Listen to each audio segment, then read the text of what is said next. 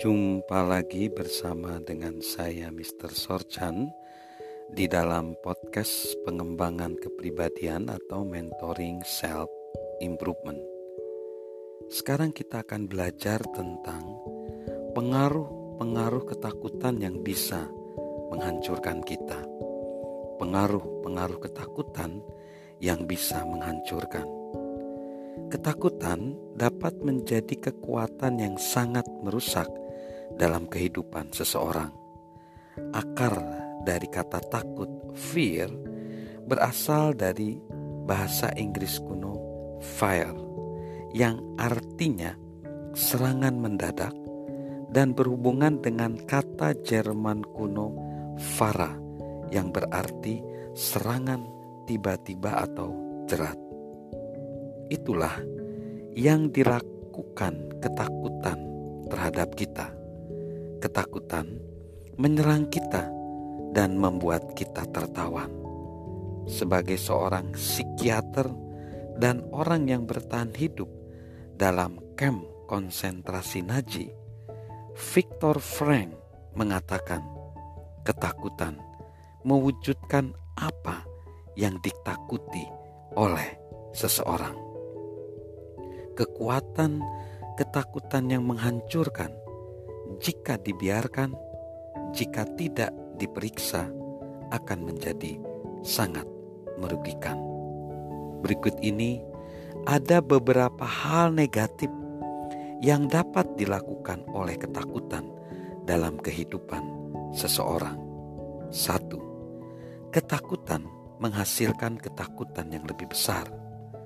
Hal yang paling busuk dari ketakutan adalah kemampuannya untuk membesar-besarkan dirinya sendiri. Si Everett Koop, mantan kepala jawatan kesehatan Amerika Serikat mengatakan, orang memiliki perasaan yang tidak tepat tentang apa yang disebut berbahaya.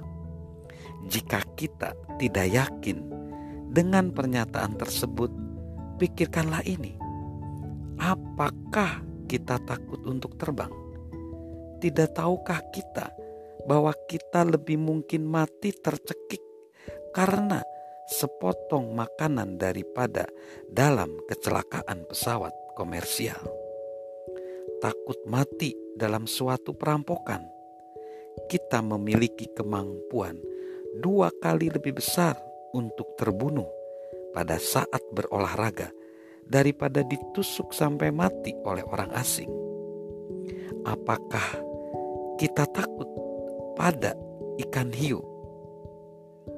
Apakah kita khawatir tentang menjalani pembedahan? Kita 16 kali lebih mungkin untuk mati dalam kecelakaan mobil daripada mati karena komplikasi pembedahan. Jarang sekali hal yang kita takutkan itu terjadi. Dalam pikiran kita, kita memperkirakan bencana-bencana yang akan datang yang sangat mungkin tidak akan pernah terjadi.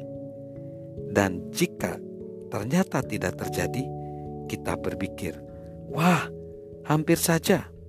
Walaupun kenyataannya, pemikiran-pemikiran kita sendiri adalah satu-satunya hal yang menciptakan bahaya yang potensial bagi kita.